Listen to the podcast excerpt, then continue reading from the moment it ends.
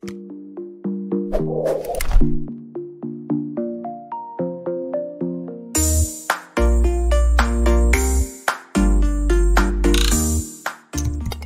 ini didukung oleh Desa WiFi, Tol Langit Desa Indonesia.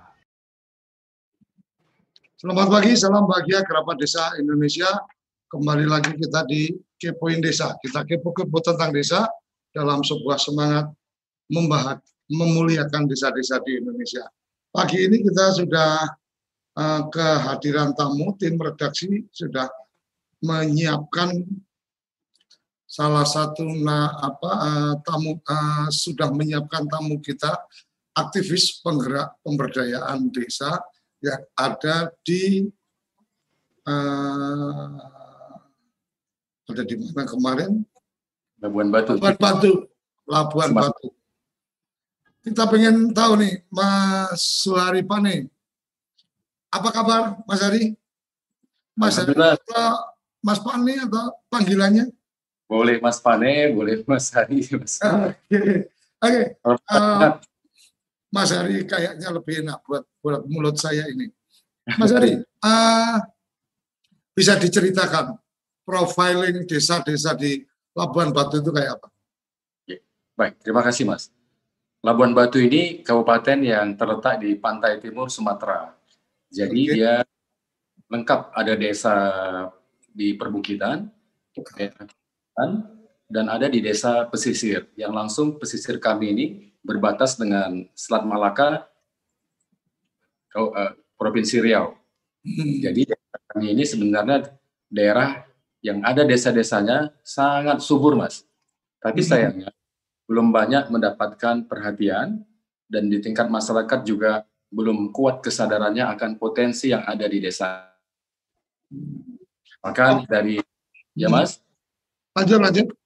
Ya, misalkan saja karena dari zaman Belanda, POC dulu, kami ini kan daerah perkebunan uh, besar. Belanda tak usaha perkebunan karet. Dan sampai sekarang, hmm. perusahaan uh, besar, baik investasi asing dan juga uh, nasional, itu ada di daerah kami. Mulai dari uh, London, Sumatera, Lonsuk, ada grup AIP, Anglo Eastern Plantation, ada Asian Agri Group, ada Wilmar Group, ada Asia Negeri, ada Sokpin, yang semua itu perkebunan kelapa sawit. Jadi hmm. kalau persoalan kebun kelapa sawit ini saja, masing-masing desa melakukan bumdesnya itu menggunakan menjadikan pupuk berbahan e, limbah dari sawit itu sudah luar biasa mas terintegrasilah bisa dilakukan pertanian dengan peternakan inilah yang sedang kita terus mulai misalkan okay. uh, lim solid sawit itu luar biasa. Hmm. Oke, okay, uh, eh, salah satu yang dulu uh, saya sempat lakukan ketika me, ada rapat dengan pendapat uh, RUU Desa, salah satunya yang menjadi fokus uh, dari teman-teman kita atau komunitas saya di relawan desa adalah tentang bagaimana badan usaha milik desa. Kita mendorong badan usaha milik desa ini mestinya bisa berbentuk perseroan atau bahkan wajib berbentuk perseroan supaya bisa uh, sejajar dengan perusahaan-perusahaan yang ada di desa. Taruh kata seperti yang tadi Mas Ari sampaikan. Desa ketemu dengan uh, London Sumatera, umpamanya uh, desa dengan ketemu dengan perusahaan-perusahaan itu sama-sama yang ketemu adalah perseroan dengan perseroan. Jadi bicara bisnisnya bisa terjadi di situ dan keuntungan bisnis dari badan usaha milik desa itu kemudian akan menjadi sumber pendapatan untuk desa. Pertanyaannya, sejauh mana sejauh mana sekarang uh, desa ada berapa desa Mas di di, di Labuan Batu? Di tempat kami Labuan Batu ada 75 desa Mas, 23 kelurahan jadi 75 desa. 75 jadi, desa. Dari 75 iya. desa sudah teridentifikasi berapa yang sudah punya BUMDes? Hampir semua punya BUMDes sekarang, Mas. Hampir semua sudah. punya BUMDes. Cuma kemudian berkegiatannya apa? Itu yang menjadi menjadi tantangannya mungkin. Benar. BUMDes kita ini memang masih jauh kualitas SDM-nya dan juga uh, penguatan kelembagaan uh, belum belum baik lah mas. Ini yang kemudian uh, andainya seperti yang mas bilang itu itu luar biasa. Jadi bumdes itu kemudian bersejajar bermitra utama dengan uh, perkebunan. Ada ya. pabrik pabrik perusahaan-perusahaan itu kan, itu akan sangat ya. menguntungkan buat luar biasa itu. Jadi Artinya kan, ketika hmm. ketika uh, ketika industri perkebunan atau industri yang ada di desa itu tumbuh, mestinya masyarakat mendapatkan kemanfaatan melalui jalurnya bumdes. Kan bisa aja nih, Mama secara khusus, oke, okay, tracking untuk semua pengangkutan dipercayakan kepada BUMDes. BUMDes ya. kemudian apa mengelola secara profesional. Otomatis kan keuntungan dari situ kan masuk ke masyarakat. Kemudian uh, apalagi tadi Mas Hari menyampaikan ada beberapa limbah umpamanya. Kalau memang iya. limbah dan kemudian itu bisa diserahkan ke masyarakat ke BUMDes, kemudian BUMDes bisa mengelola itu, kemudian bisa didistribusikan ke masyarakat, akan luar biasa itu, Mas. Wih, luar biasa kalau itu benar terjadi, Mas. Jadi saya bisa bayangin, aduh, makmur rakyat di desa kami ini. Tapi itu memang apa yang, apa yang terpikir dengan Mas Hari melihat kondisi hari ini, uh, kondisi sekarang dengan masyarakatnya, dengan aparat desanya, kemudian dengan lingkungannya, karena memang salah satu yang menjadi penting menurut saya adalah menemukan potensi dan menyadari potensi kan gitu. Ini Benar. mungkin bagian bagian yang menjadi penting. Yang sudah dikerjakan Mas Hari untuk nah. hal-hal seperti itu bisa dibagi cerita silakan. Benar. Uh, saya kan pulang kampung ini tahun 2000 dari Yogyakarta kan. Dulu saya kuliah di, di Jogja. Pulang kampung uh, pemahaman dan terus melakukan advokasi dan empowering ini terus dulu saya dan kawan-kawan lakukan lah merintis. Nah kendalanya itu mas, memang eh, aduh, mana? Memang kendalanya itu eh, kita mungkin sekarang itu disebut dengan oligarki ya. Hmm. Halo mas, maaf terganggu ya. Halo. Halo mas. Ya. Halo ya, mohon maaf terganggu mas. Jadi ya. eh, praktek di desa itu kan juga banyak faktanya banyak tengkulak. Perusahaan-perusahaan hmm. itu punya jaringan sendiri. Uh, hmm. Ini yang kita uh, hadapi tantangannya. Jadi memang kesempatan kemarin sejak adanya undang-undang desa itu kita juga melakukan upaya-upaya uh, penyadaran, tapi juga masih uh, sangat sulit karena bagian dari uh, struktural di desa juga uh, terkadung kuat dalam arus itulah gitu. Jadi yang kita lakukan tidak banyak bumdes-bumdes yang bisa tumbuh, bisa bertumbuh baik. Akhirnya kita melakukan apa yang bisa dibuat ya mengurusi limbah-limbah, mengurusi petani-petani uh, buruh tani. Ini yang sekarang kita lakukan. Tidak uh, kesa mungkin lebih dalam konteks ini kalau uh, kita dulu mencoba membuat tagline di uh, komunitas kita relawan desa itu adalah tahap pertama itu adalah mencerdaskan masyarakat, tahap kedua itu adalah meningkatkan profesionalitas aparat, baru kemudian kita bisa berharap desa mandiri bahagia sejahtera.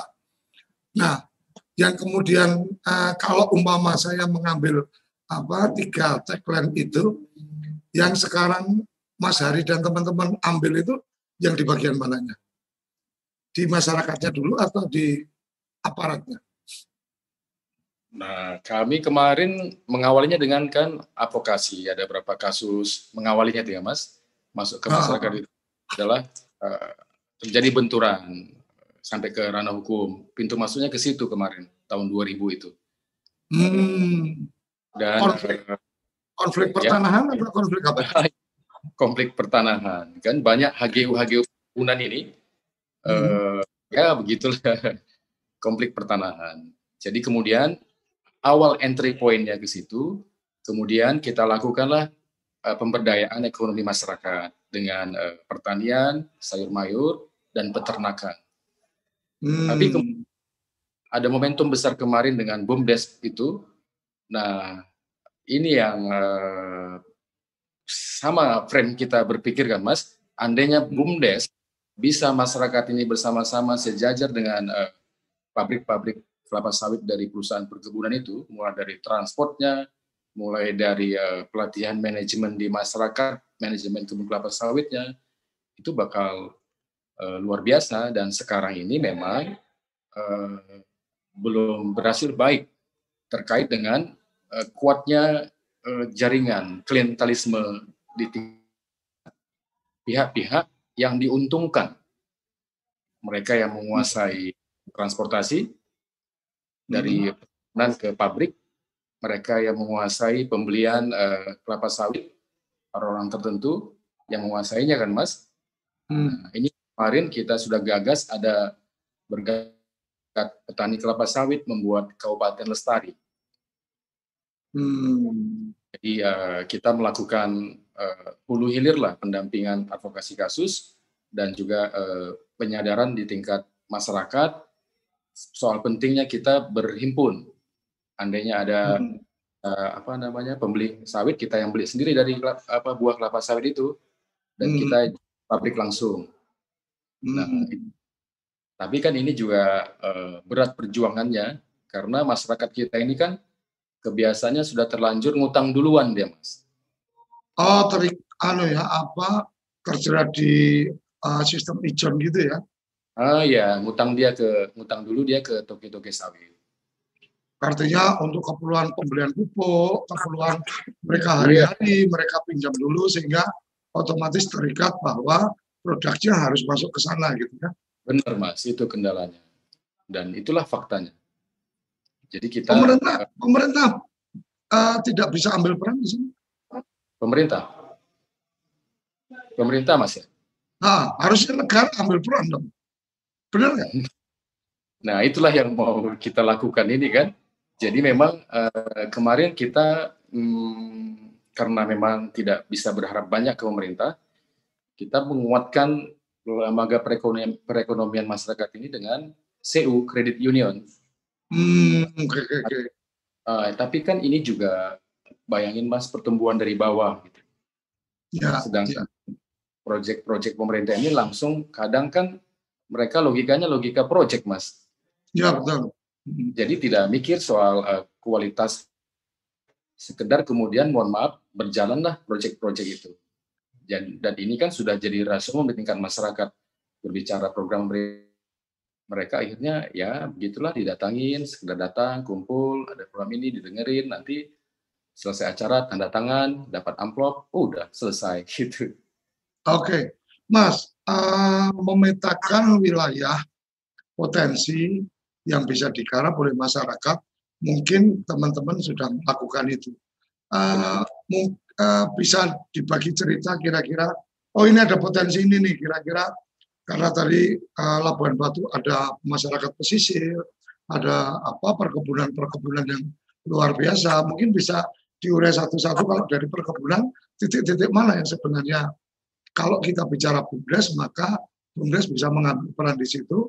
Kalau bisa bicara pada komunitas atau kelompok masyarakat, kelompok masyarakat bisa mengambil ruang uh, di bisnis-bisnis itu. Coba saya bisa diberikan gambaran? Ya, terima kasih Mas. Pertama karena daerah kami ini banyak uh, banyak sekali perkebunan kelapa sawit. Kedua, faktanya butuh masyarakat peningkatan perekonomian. Kemarin kita buat buat pemetaan. Misalnya ketika harga karet turun, kita kan udah hampir tujuh tahun ini turun terus karet. Masyarakat itu kita buat punya keterampilan untuk membuat nira, air nira dari kelapa sawit yang replanting. Uh, jadi itu uh, kita lakukan mereka keterampilan melakukan kelapa sawit yang ditumbang replanting jadi air nira. Dan kemudian di tempat kami ini kan juga banyak lahan-lahan tidur sebenarnya, Mas uh, di hutan-hutan uh, lindung dan uh, menjadi hutan kemasyarakatan dan tanah terlantar di daerah uh, uh, daerah uh, zona hijau. Hmm. Itu kemarin kita lakukan dengan menanam perkebunan pisang dan porang. Hmm. Kebun pisang dan porang yang pasarnya memang sangat uh, menjanjikan uh, pisang barangan ini, Mas. Hmm. Terus uh, Selebihnya memang Kapan ya? Kapan dia? Ah, ada juga sekarang sudah ada hampir masa COVID kemarin. Hmm. Ini sekarang kita budidayakan Cavendish Oke. dan juga eh, kayu eh, jabon Hmm. hutan. Kemarin itu juga kita membantu masyarakat eh, petani dengan hutan lindung kita mohonkan ke kementerian menjadi hutang menjadi hutan kemasyarakatan. Hmm. Eh, kita lakukan penanaman kembali. Sekarang kita di pesisir Selat Malaka itu, desa-desa yang di pesisir, kita membuat terus membibit sendiri swadaya akan ada proyek 50 ribu menanam pohon kelapa, Pohon kelapa pohon kelapa di di itu. di pesisir ini. Ah, ber- itu berbatas dengan Selat Malaka. Hmm. Ya, kita punya pabrik eh, minyak kelapa, tapi sekarang nggak ada. Dan kenapa ini kita lakukan? Karena budidaya pohon kelapa mulai ditinggalkan masyarakat berganti dengan kelapa sawit. Dan Hmm. inilah daerah pelabuhan-pelabuhan tikus di perairan kami, tempat masuknya sabu-sabu, Mas. Oh gitu. Iya, lakukan peningkatan pemahaman masyarakat dengan membuka eh, lahan-lahan yang seram itu, dalam tanda kutip, dengan menanam pohon kelapa kembali. Artinya lahan-lahan yang tadinya tidak pernah dilintasi orang, Iya, kemudian dilintasi apa eh, sabu dan eh, apa jalur-jalur untuk apa ilegal itu ketika kemudian ada kegiatan ekonomi di situ otomatis akan apa eh, akan ikut terjaga juga untuk tidak terjadi lagi gitu ya.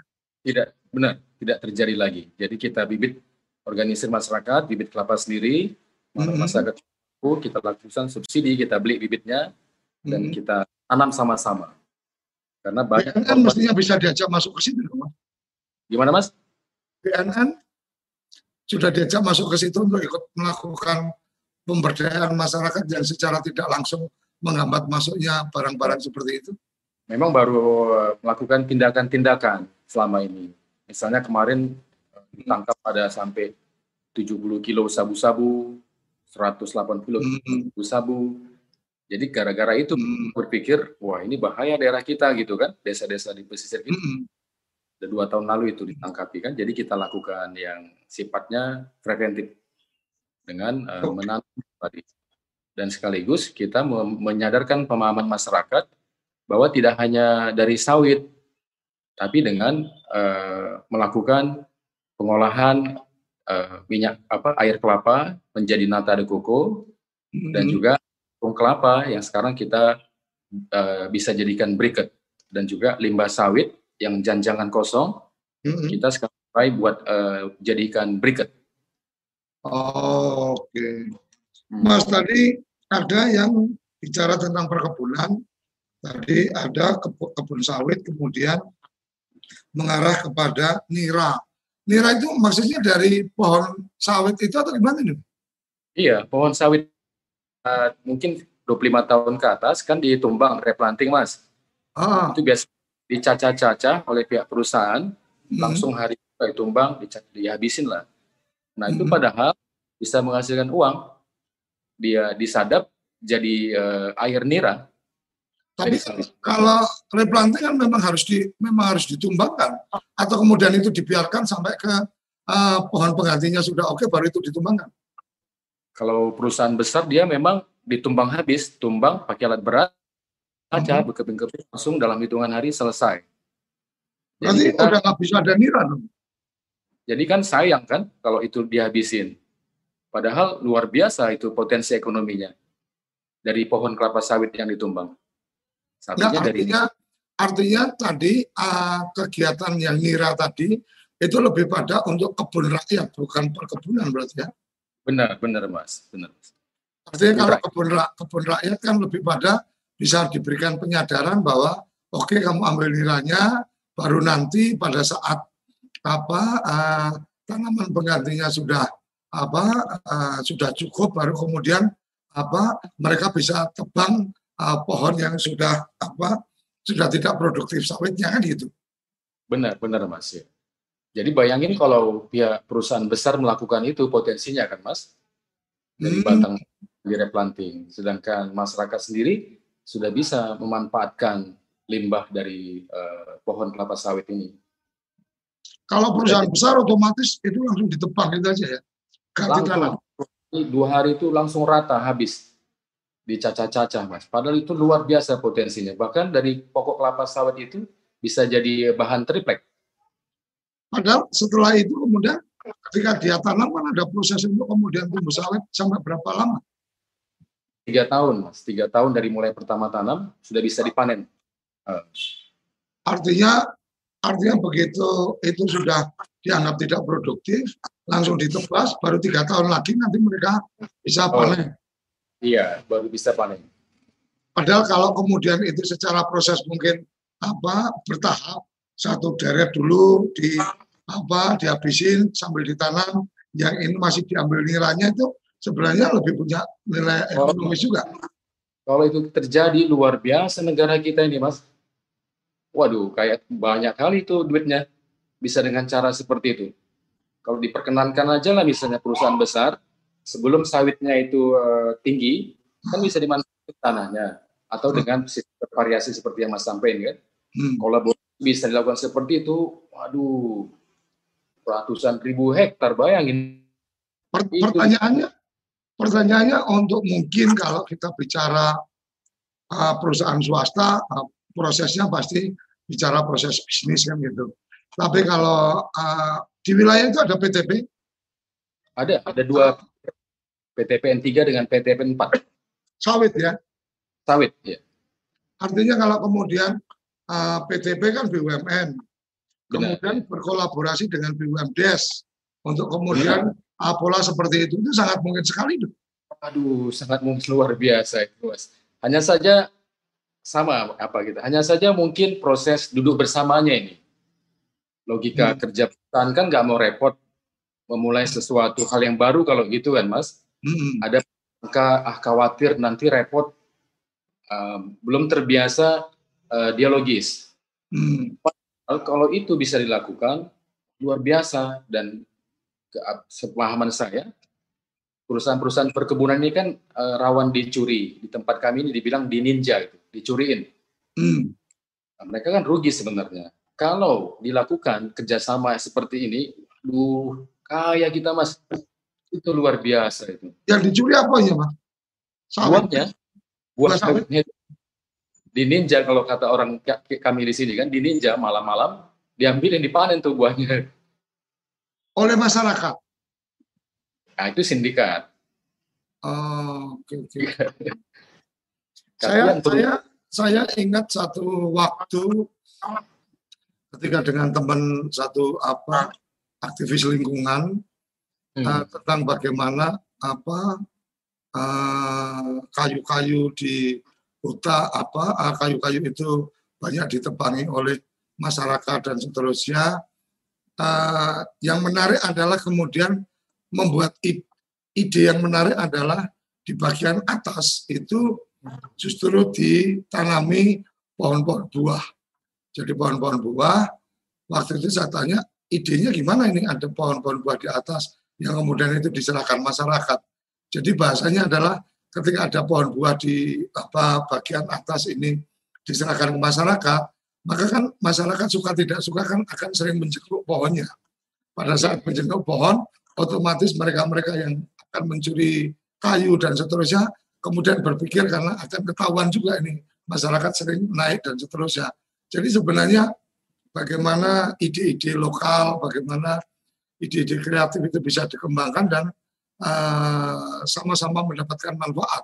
Saya pikir itu luar biasa ketika tadi disampaikan ada BUMN, kemudian PTP di situ sawit, ada gangguan masyarakat, kemudian ketika ada sinergi antara pemerintah desa dalam hal ini bentukannya dengan badan usaha milik desa bersinergi dengan badan usaha milik negara ini akan luar biasa saya pikir. Wah, kalau itu benar kejadian luar biasa itu Mas.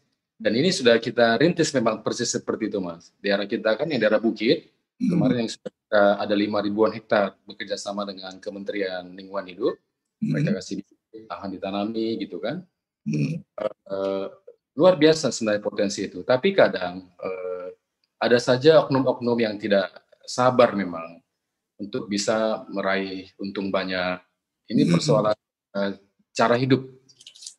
Uh, ada saja oknum-oknum yang biasanya memang kuat mereka itu, uh, Artinya dia nggak nggak sabar, ingin uh, lebih untung banyak banyak untung duluan gitu. Artinya uh, akhirnya lahan-lahan seperti itu mereka kuasai, masyarakat di- di- dipekerjakan aja jadi buruh. Dan padahal kalau dari awal masyarakat diberikan pemahaman, ini lahan uh, mereka walaupun tidak milik hanya mengusahi boleh, pasti akan terjaga itu perusahaan-perusahaan perkebunannya. Dan terbukti di tempat kita ini kan itu berbatas dengan grup uh, Musimas, Musimas Group. Mereka punya hampir 8 ribuan hektar kan. Itu bisa udah kita uh, lakukan mulai. Tapi memang di tanah Sumatera ini uh, masih seperti itulah mas. Memang ini. Bagian tanggung jawab apa pemberdayaan masyarakatnya mungkin artinya empowering empowering memberikan penyadaran bahwa mereka punya potensi untuk bisa lebih dari apa yang sekarang mereka dapat mungkin gitu ya. Benar, benar Mas ya. Itu itu yang paling pokok karena persoalan uh, perekonomian. Tapi dengan apa coach apa namanya? Itu membentuk karakter masyarakat kan Mas. Di tempat kita ini uh, sangat gampang orang dapat duit. Cukup nanti istilahnya jadi buruh dodos sawit. Apa memanen sawit itu dapat duit. Nah, ngapain kerja-kerja uh, yang berat? Gitu kadang pemahaman masyarakat kami di sini jeleknya dari uh, perkebunan kelapa sawit yang begitu masif mulai tahun 80-an di daerah kami ini. Uh, berbeda dengan Artinya sebelum artinya udah terbiasa atau tertanam bahwa ya udah kerja kayak gini aja udah cukup gitu ya. udah cukup ya. Jadi buruh kelapa sawit aja udah makan kok. Uh, ada juga yang gitu kan cara berpikirnya. Hmm. Jadi ya, ya gitulah. Ini nanti terhubung dengan uh, tadi oligarki sekelompok orang yang kuat berhubung dengan terhubung dengan uh, perusahaan gitu-gitu. Jadi pada kebanyakan masyarakat kita di buruh atau karyawan sudah senang dia. Padahal potensinya luar biasa mas. Kalau betul-betul ini seperti yang tadi mas sampaikan kan, perlahan itu terwujud. Aduh, ya mas kaya banget. Kalau bisa prinsipnya kolaborasi, mau berkolaborasi. Perusahaan diuntungkan, tidak dicuri-curi lagi, masyarakat terberdayakan dari uh, uh, tumpang sari saja sebelum uh, mereka melakukan penanaman ulang, tanam cabai kah yang bisa berapa bulan tanamannya kan mas, jagung lah, waduh itu duit saja tuh mas, karena luas sekali perkebunan kelapa sawit ini. Tapi sekarang masih uh, ego jalan-jalan sendiri dia, nggak kemudian ada ketokohan dari ketokohan dari kepala desa kira-kira kayak apa? Kita bisa berharap. Nah, kadang memang uh, enggak, enggak mempan, Mas. Mohon maaf, uh, kadang kan hmm, logika perusahaan. Karena banyak juga kita temukan di desa-desa dan perkebunan ini, untuk CSR saja mereka susah dapat. Untuk jalan, Hmm. air bersih, fasilitasi air bersih juga susah mereka dapat. Perusahaan Hmm. katanya, oh, kami juga nggak mau rugi, Pak, kata mereka kan. CSR ini Hmm. ada, tapi nggak ada, kata dia. Bukan masyarakat yang menikmati jadinya, karena ada oknum-oknum.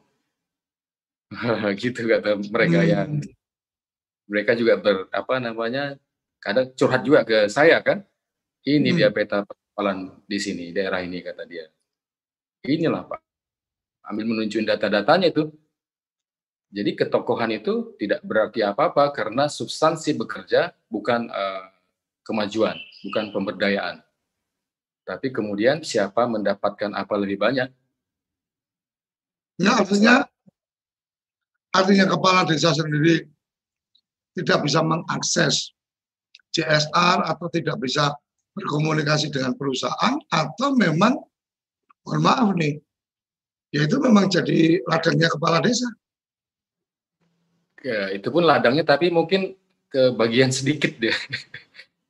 Mohon maaf ya, gitulah kadang Oh, oke oke oke Di daerah okay. kami ini transparan hmm. akuntabel itu. Itu tantangannya, Mas. Oke. Okay. Oke, okay, kita akan kembali lagi setelah yang apa sesaat lagi kita akan uh, kepoin lagi desa-desa di Labuan Batu dan kita ingin dengar uh, ide-ide apa dari Mas Haripan setelah yang satu ini. Kamu tinggal di pulau terpencil, pegunungan pinggiran kota, atau daerah di Indonesia yang tidak terjangkau jaringan fiber, ADSL, dan juga 3G. Internetan dengan cepat pasti cuma akan menjadi mimpi. Mau pakai tol langit, pakai desa wifi, kunjungi www.desawifi.id.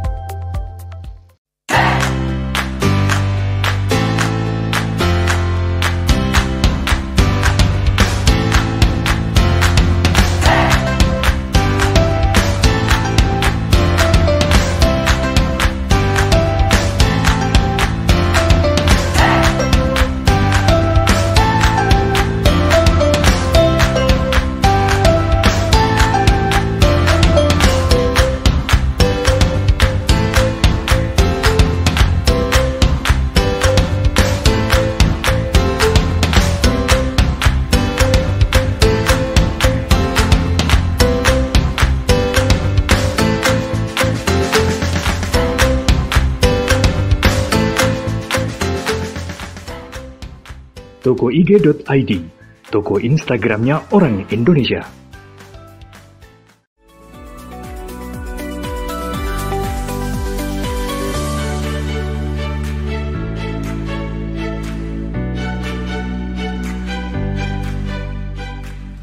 Halo remaja Indonesia, TV Desa dan Rumah Film Avandi mengundang kalian untuk berkarya. Bermodal HP kamu, kamu bisa bikin film pendek dan mendapatkan hadiah puluhan juta rupiah.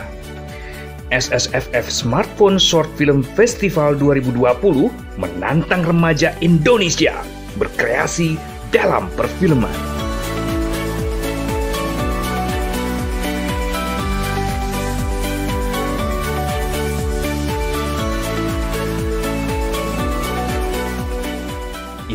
Lengkap kunjungi www.ssff.tvdesa.id.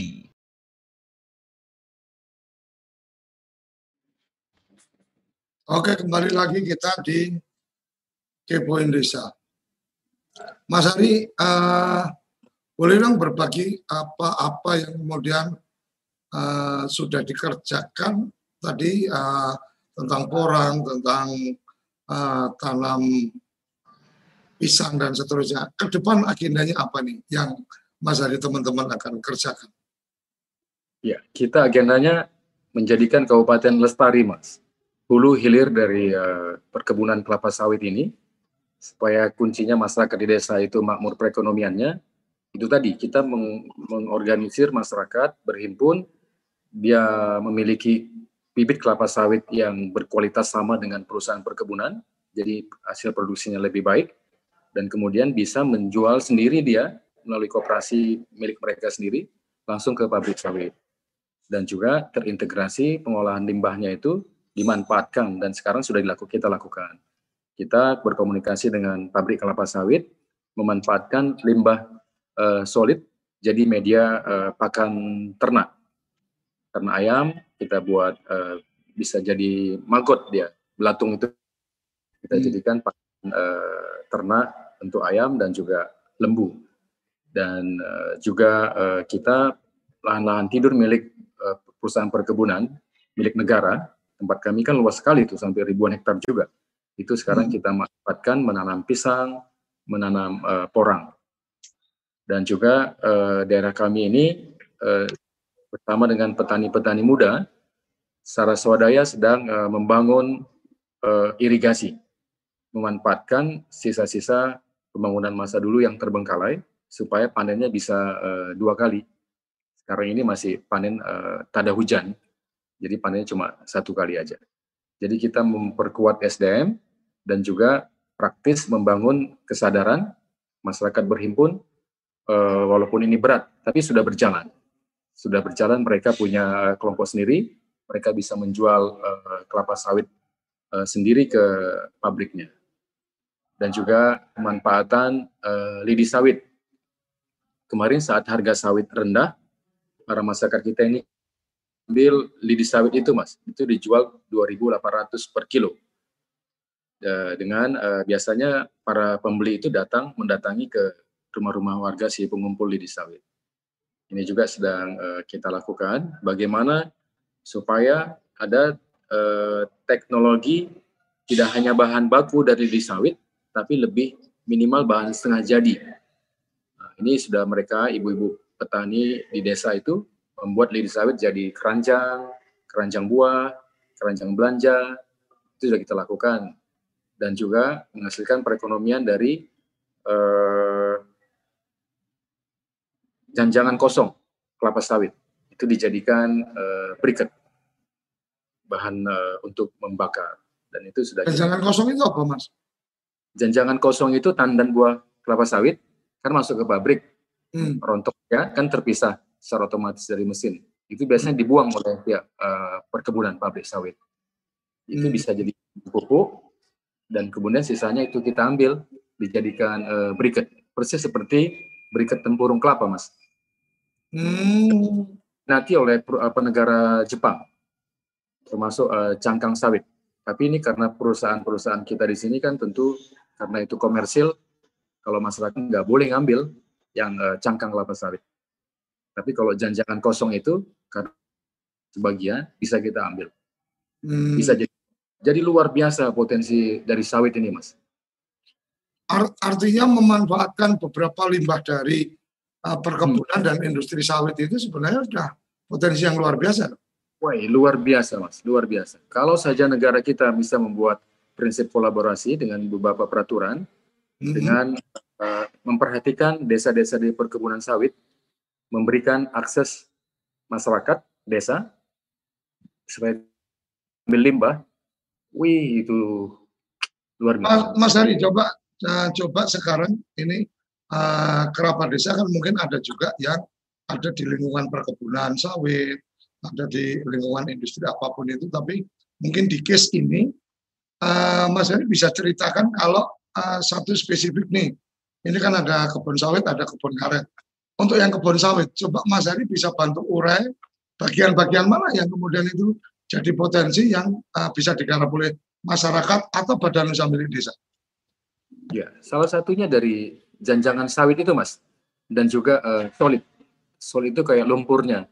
Warna hitam dua itu aja diberikan ke masyarakat desa nah, nah maksudnya maksud saya gini maksud saya gini mulai dari kebun sampai di industri itu bagian-bagian mana yang kemudian kalau masyarakat itu dilibatkan kemudian itu akan menjadi potensi ekonomi yang luar biasa dari perusahaan tidak dirugikan, dari masyarakat mendapatkan keuntungan mungkin mulai dari oh kalau di kebun ada ini, ada ini, ada ini. Kemudian ketika masuk di proses produksi ada ini, ada ini dan silakan. Itu mulai dari uh, mulai dari buka perkebunan lah mas ya, merasakan ya. masyarakat bisa kerja di situ menjadi BHLK dan kemudian tentu kalau proses di pabrik kelapa sawit itu kan yang uh, cangkang kelapa sawit itu sudah mereka punya pasar sendiri.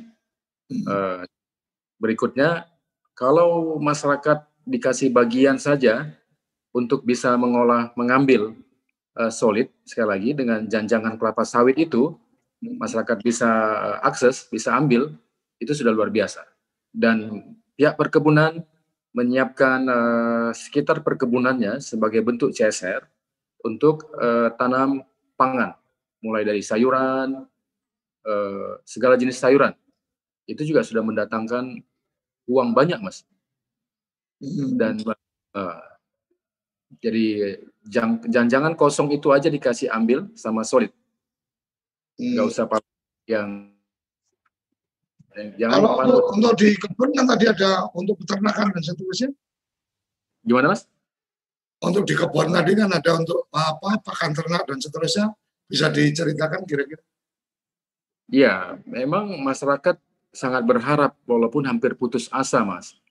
Karena sebenarnya perusahaan perkebunan pun tidak dirugikan dengan tidak menyemprot uh, rumput di bawah pohon kelapa sawit. Itu bisa masyarakat ambil, bisa dijadikan pakan sawit. Tapi kan karena proyek uh, ya perkebunan itu nyemprot. Tapi uh, di sebagian perusahaan itu tidak disemprot, diperbolehkan. Itu rata-rata uh, perusahaan uh, yang uh, perusahaan asing memang ada CFEP Group itu memberikan, tidak diambil. Dan kalau lagi uh, pihak perusahaan perkebunan ini, seperti yang tadi Mas sampaikan di awal, misalnya dari dia uh, replanting, lahannya kosong kan Mas, hmm. uh, yang sudah tumbang itu bisa dijadikan, diperbolehkan disadap jadi nira. Terus masa sebelum tiga tahun mereka bisa panen lagi, itu di ada kolaborasi memanfaatkan lahan itu, itu menghasilkan uang yang sangat banyak, Mas orang lahan kosong selama tiga tahun kan tidak diinikan. Hmm. Nah, jadi pihak perkebunan juga diuntungkan, lahannya aman dari pencurian, hmm. ada kerjasama, hmm. pencurian bibit, pencurian buah, dan sekaligus perawatan tanaman. Sekali lagi memang harus cara berpikirnya harus uh, cara bekerja sama, tidak memblok diri. Ah nanti masyarakat kalau terlibat nanti rusak lahannya. Nah, gitu-gitu. Jadi harus memulai hal yang baru. Selama ini itu tidak belum ter, belum terjadi di wilayah perkebunan ini. Hmm, Oke, okay. itu untuk perkebunan sawit. Kalau perkebunan karet? Kalau perkebunan karet di tempat kami ini memang sudah hampir dari eh, tujuh uh, tahun ini karena harganya uh, rendah. Dari perkebunan karet ini hampir sama sih saat dia replanting itu lahannya kosong bisa tanam jagung sebenarnya kalau hmm. pihak perkebunan mau berkolaborasi kan mas. Tapi kalau dari uh, limbahnya nggak ada kalau dari karet ini. Sebenarnya kalau karet murni bagaimana pemanfaatan lahan pada saat apa replanting atau pada saat kemudian uh, ini ya apa uh, tanaman tanaman karet itu ada kan tanaman sela bisa dilakukan mas? Bisa, tanaman sela itu sangat bisa kalau di karet mas. Itu tadi saya bilang kan dikasih hmm. tanaman jagung aja pada saat replanting, hmm. wih itu sudah biasa. Tapi selama ini tidak tidak pernah kejadian. Jagung kan panennya cepat, hmm. tiga bulan bisa panen kan mas?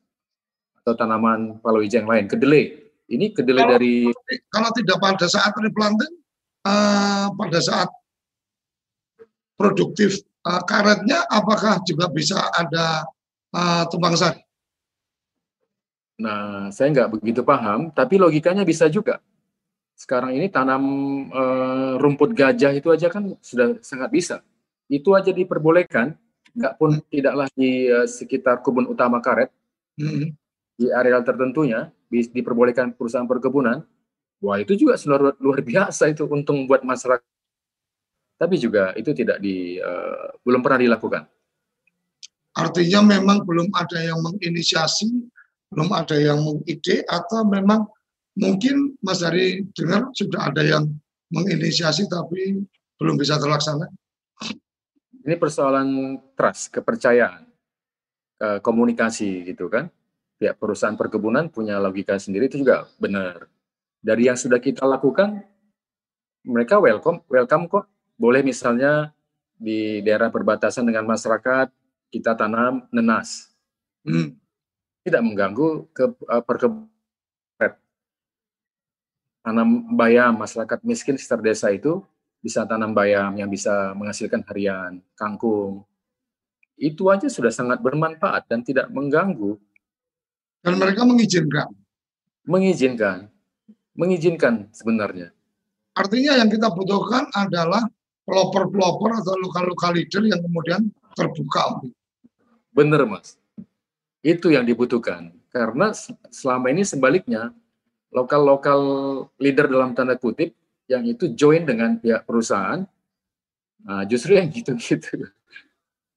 Artinya, artinya ketika mereka dekat dengan perusahaan, tidak kemudian ter, uh, terpikirnya untuk bagaimana kedekatan ini kemudian punya nilai manfaat untuk orang banyak, tapi lebih pada untuk keperluan dirinya sendiri aja. Betul perluan dirinya sendiri aja. Mulai dari angkutan, Mas bayangin lah kan, mulai hari sederhana itu kan, mulai dari angkutan, nanti uh, project replanting, proyek uh, pengadaan BHL gitu-gitu tuh. Hmm. Jadi logika logika mencari diri dan kelompok. Bayangin untuk rekrutmen BHL itu datang dari luar daerah, sementara masyarakat sekitar butuh. Uh, itu yang sekarang terjadi persis seperti itu, mas. Jadi oh. kalau ada local leader yang berkomunikasi dengan pihak perusahaan, itu perusahaan sangat mau. Dan saya yakin lebih terjamin kepentingan perusahaan perkebunan yang kepentingan dia kebunnya aman, tidak dicuri kan mas? Mm-hmm. Karena biasanya ini yang sebaliknya yang lain itu kan biasanya ah, kerjasama dengan kelompok-kelompok tertentu juga. Hmm.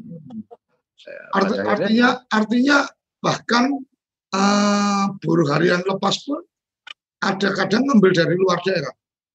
Nggak, ya ngambil dari luar daerah. Sementara di, di lingkungan ada. Ada, iya. Sementara logikanya, di, logikanya gimana ya, Mas? Ya itulah terjadi karena kekuatan uh, premanisme, premanisme. Dan uh, orang butuh kerja kan? Hmm, hmm. Uh, dikasih harga berapa? Kadang banyak sekali ditemukan buruh harian lapas itu misalnya harusnya dia dapat gaji 80 ribu satu hari, mm-hmm. tiga puluh ribu satu hari jadinya karena mm-hmm. orang uh, butuh kerja padahal standarnya sesuai dengan uh, peraturan misalnya delapan puluh ribu atau tujuh puluh lima ribu kan mas hmm. Hmm, gitu artinya dia ngambil dari luar karena bisa dapat apa harga yang lebih lebih lebih murah itu lebih murah oh. lebih murah hmm. sementara perusahaan tahunya yang penting ada tenaga kerja ya. Ada tenaga kerja. ada tenaga kerja dalam tanda kutip ya begitulah saling ini kan saling menguntungkan dan uh, bagi mereka sih supaya jangan dicuri gitu-gitu. Ini yang ini tantangan terberatnya mungkin lebih pada satu kesadaran masyarakat untuk melakukan dalam tanda petik perlawanan yang kedua, kehadiran negara kayaknya. Apakah Benar. negara cukup hadir untuk kemudian melakukan itu? Artinya keberpihakan apa eh, pemerintah desa kalau nggak kuat berarti supra desanya bisa mendukung sejauh mana dan seterusnya gitu ya. Benar, benar mas, benar. Jadi memang eh, berbahaya juga ini kalau begini terus berlanjut kan, karena apa? Ini kan terorganisir juga mas. Ya, hmm. orang nggak mau rugi masyarakat diorganisir, akhirnya eh, enak dia cari duit. Pengnyuri bisa dapat duit kok, dan itu jadi sumber mata pencariannya gitu kan. Hmm. Nah, banyak hal lah. Jadi memang hmm, memang uh, tadi institusi negara, pemerintah di daerah, dan uh, pihak perusahaan perkebunan, masyarakat di desa, sebenarnya tidak susah kalau kemudian ini punya keberanian memulai. Di beberapa titik bisa kita lakukan itu. Dan, Artinya sudah ada sukses story yang Mas Hadi lakukan? Oh, sudah. Udah Boleh dibagi cerita? Ya, sudah beberapa. Tadinya yang uh, masyarakat akhirnya di penjara gitu kan, Mas. Hmm. Jemu ada komplek lahan gitu-gitu.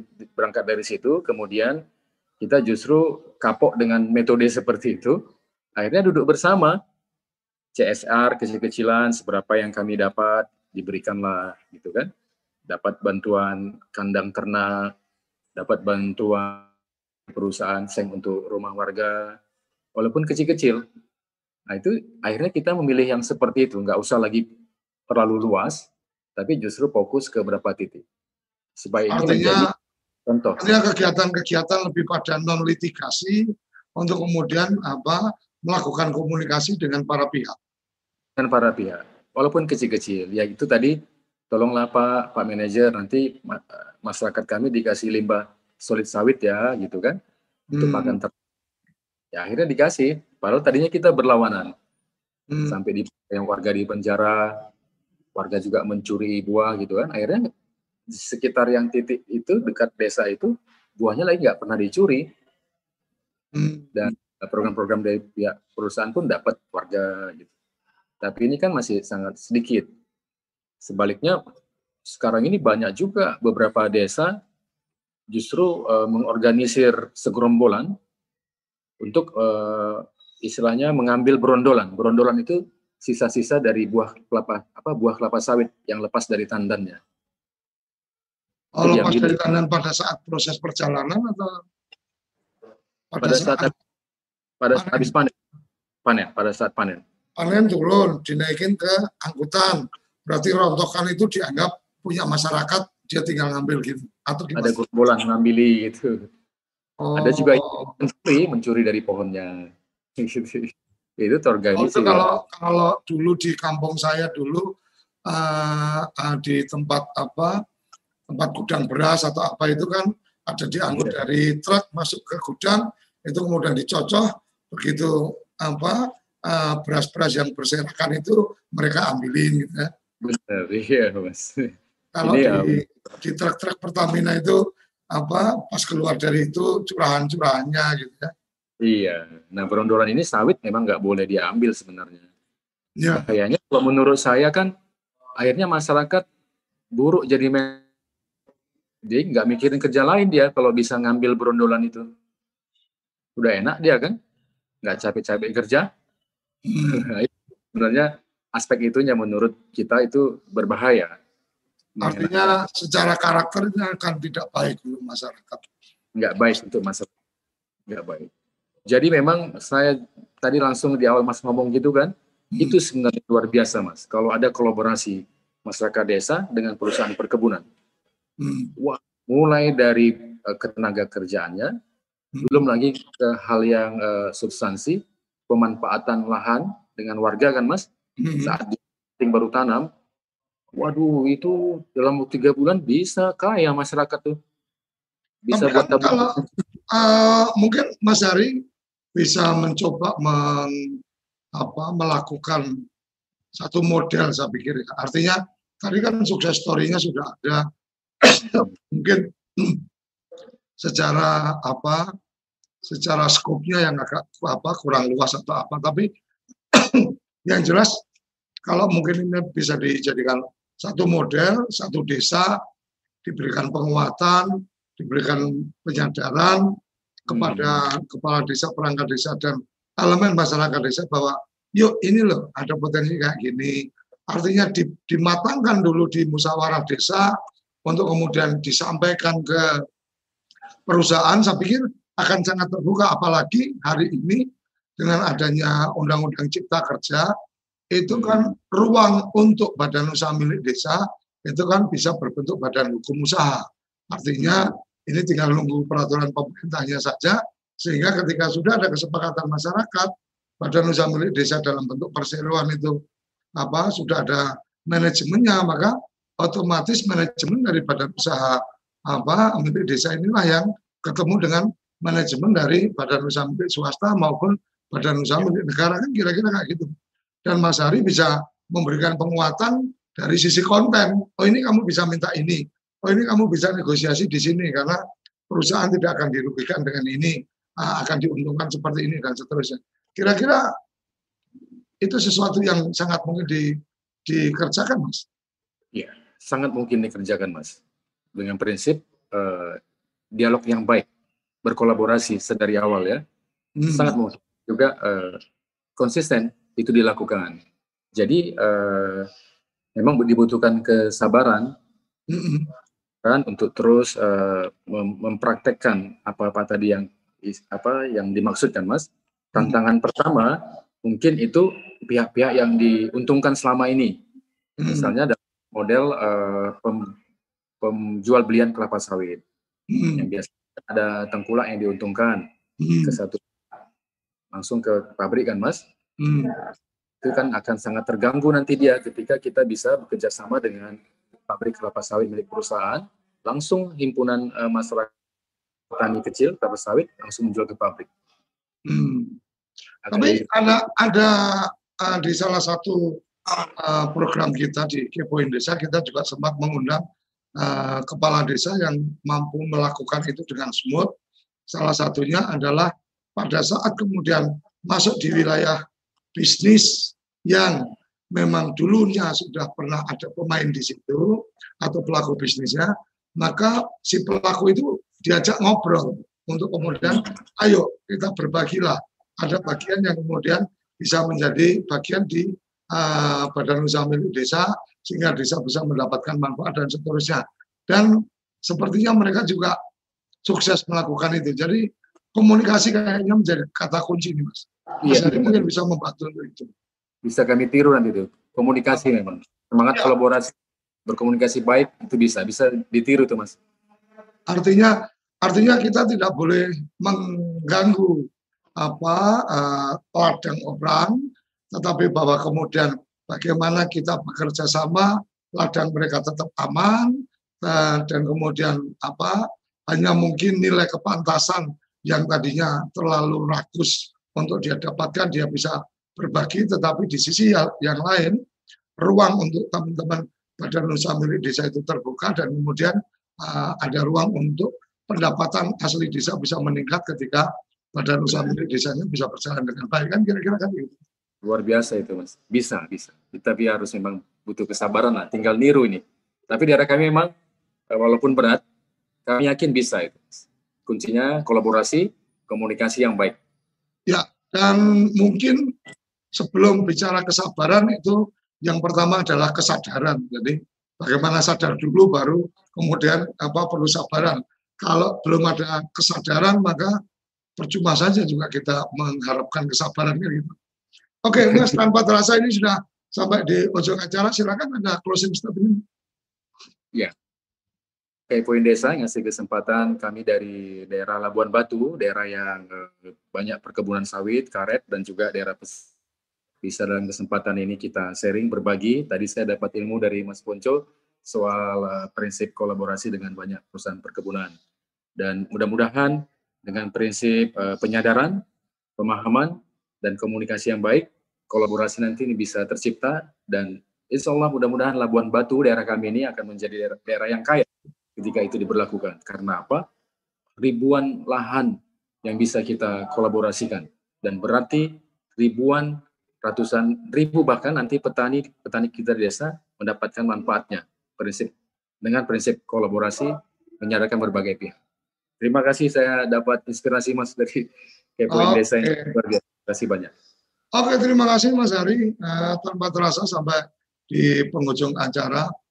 Uh, pernah satu waktu saya menyampaikan gagasan badan usaha milik desa kenapa harus berbentuk perseroan karena sebenarnya tidak hanya berpikir untuk kepulauan yang di Jawa, tetapi saya membayangkan ketika ada perkebunan-perkebunan yang sukses, melantai di bursa dan seterusnya, eh, para pemilik sahamnya bisa semakin kaya luar biasa. Kemudian sisi yang lain, masyarakat di sekitar perkebunan ternyata tidak mendapatkan apa peningkatan kesejahteraan, maka itu sebenarnya menjadi bagian tantangan yang kemudian bisa terselesaikan ketika masyarakat memiliki badan usaha milik desa dan duduk bersama dengan perusahaan-perusahaan perkebunan itu dalam satu level sesama pelaku bisnis. Yang kemudian keuntungan dari badan usaha milik desa adalah keuntungan untuk masyarakat. Alhamdulillah tim redaksi bisa menghadirkan uh, Mas Hari dari uh, desa dari Labuan Batu yang kebetulan daerahnya banyak perkebunan. Jadi saya bisa sharing informasi, berbagi ide dan seterusnya Semoga Mas Ari bisa membantu mengimplementasikan beberapa gagasan yang berapa tahun yang lalu 2013 2012 kita sampaikan uh, 2012 kita sampaikan di Senayan jadi 8 tahun yang lalu. Saya pikir uh, tidak ada kata terlambat jangan pernah memendam ide jangan pernah memutuskan atau menghilangkan ide-ide kita karena bisa jadi ini hanya urusan waktu untuk merealisasikannya. Sampai di sini Kepo Indonesia, nah kita akan ketemu di uh, episode-episode selanjutnya setiap 8.30 sampai 9.30 hanya di TV Desa. Salam bahagia kerabat desa Indonesia. Terima kasih.